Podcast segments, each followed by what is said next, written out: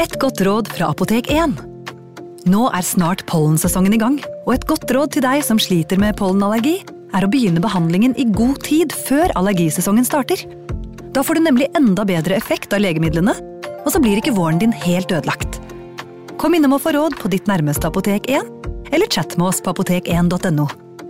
Apotek 1 vår kunnskap, din trygghet. Kom og spis! Kjøkkensjefen har middagen ferdig. Vi kommer! Vi skal bare Åh, det er da så morsomt her på Stiklestad! Ja, men sjøl en god viking må ha både mat og hvile. Og dessuten kan dere nå være noen dager. Velkommen til Scandic Stiklestad. Moderne fasiliteter i historiske omgivelser. Det var her det skjedde. Det er her det skjer.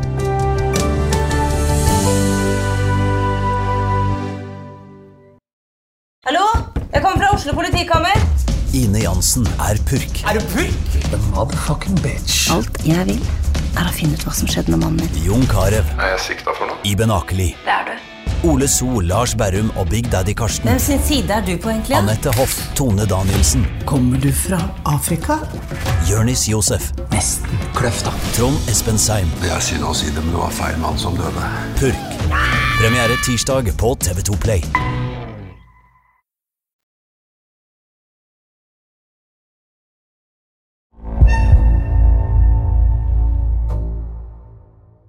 Ivan Milat ble født den 27. desember 1944 i Guilford vest for Sydney i Australia.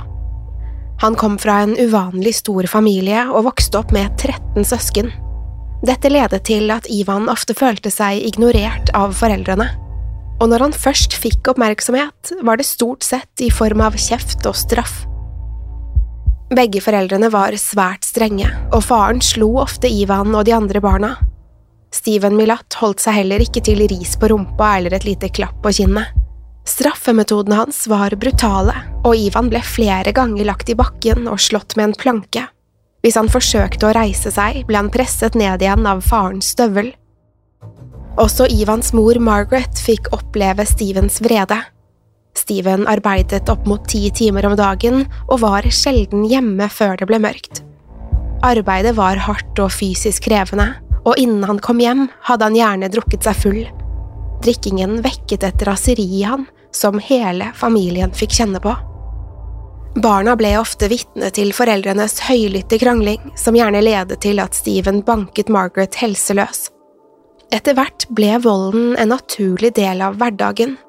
Margaret ble overfalt minst én gang i uken, og barna ble straffet hver gang de gjorde noe ulydig. Til tross for at hun selv var fanget i et voldelig forhold, var Margaret like streng med barna. Ved en anledning gikk hun til angrep på en av Ivans brødre med en kniv. En annen gang brakk hun armen hans da hun angrep han med en påle. Familien var bosatt i en øde del av landet, hvor foreldrene fikk oppdra barna uforstyrret. Dermed var det heller ingen som oppdaget eller rapporterte om denne barnemishandlingen. Steven slet også med å finne fast arbeid, og de flyttet gjerne så fort det dukket opp en ny mulighet. Familien ble derfor tvunget til å slå seg ned hvor enn de fant tak over hodet. Ofte sov de i små hus og hytter som knapt var større enn skur. Det var enkle kår for hele familien, og barna ble tvunget til å dele både rom og seng. De hadde lite penger, og situasjonen ble naturlig nok forverret av at de hadde 14 barn med på flyttelasset. Det var derfor forventet at barna hjalp til hjemme, og bidro til husholdningen med sin arbeidskraft. Ivan var nummer fem i rekken og gjorde det han kunne for å hjelpe familien. Etter hvert ble det likevel vanskelig å kombinere jobb og skole. Ivan endte derfor opp med å droppe ut av skolen da han var 14 år gammel. Han ble beskrevet som et relativt normalt barn i sine første leveår. Etter hvert begynte han riktignok å vise langt mer forstyrrende atferd. Flere av guttene i familien var allerede kjenninger av politiet, men Ivan skilte seg likevel ut. Hans oppførsel ble stadig mer urovekkende, og flere beskrev åpenbare psykopatiske trekk. Det gikk blant annet historier om at Ivan hadde kappet en hund i to med en mansjete. Mange hevdet at det bare var et spørsmål om tid før Ivan begynte å jakte på mennesker. Ivan og de andre barna hadde opplevd vold hele livet. De hadde få leker, men hjemme var de rikelig med kniver og andre våpen. Ikke overraskende ledet dette til at barna utviklet ganske spesielle interesser. Ivan ble etter hvert besatt av våpen. Han hadde allerede et stort utvalg pistoler og rifler innen han var tenåring. Og han brukte mye tid på å fikse og tilpasse samlingen sin. Han skjøt ofte på blink og ble etter hvert en dyktig skarpskytter. Det var ikke helt uvanlig for unge gutter å ha tilgang på våpen, men mange trusler ute i Australias ødemark kunne kjennskap til våpen bidra til å redde liv. Men Ivan viste en interesse langt utover det vanlige. Ivan og brødrene hans fikk etter hvert et rykte på seg som problembarn. De ble beskrevet som umulig å kontrollere, og særlig Ivan hadde nesten dyrisk råskap. Han hadde sett seg lei av å leve i fattigdom og hadde begynt å stjele og gjøre innbrudd for å skaffe litt ekstra penger. Selv om alle brødrene tiltrakk seg politiets oppmerksomhet, var det Ivan som tøyde strikken lengst. Da han ble 13 år, ble han tatt på fersken og sendt til et ungdomshjem. Han ble nå sett på som ustabil og voldelig og var i ferd med å miste kontrollen fullstendig. Resten av denne episoden kan du høre i Untold, her får du tilgang til denne episoden samt en rekke andre eksklusive og reklamefrie podkaster. Last ned Untold i Google Play eller AppStore i dag, og start din 30 dagers gratis prøveperiode.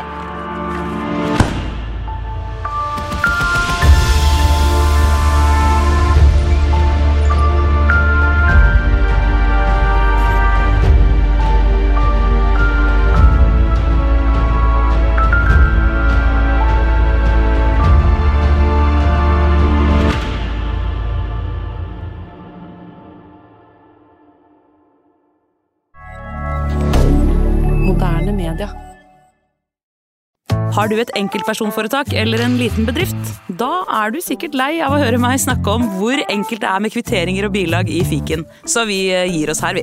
Fordi vi liker enkelt. Fiken superenkelt regnskap. Kiwi er billigst i VGs matbørs og har vært billigst i fire av de fem siste VGs matbørser. Og nå presser vi prisene på frukt og grønnsaker. På 200 gram broccolini setter vi prisen til 24,90. På 400 gram Cevita blåbær setter vi prisen til 49,90.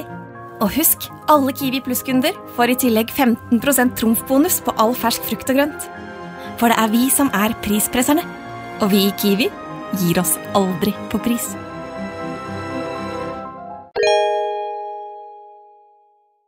Hei, takk for at du lytter til Synderne. Skulle du ønske at du kunne høre en ny episode av denne podkasten hver eneste uke? Vel, da er det bare å laste ned podkastappen Untold med en gang. I tillegg til ukentlige episoder av podkaster som Skrekkpodden, True Crime-podden og Henrettelsespodden får du masse annet reklamefritt og eksklusivt innhold. Last ned Untold i AppStore eller Google Play, og start din 30 dagers prøveperiode i dag.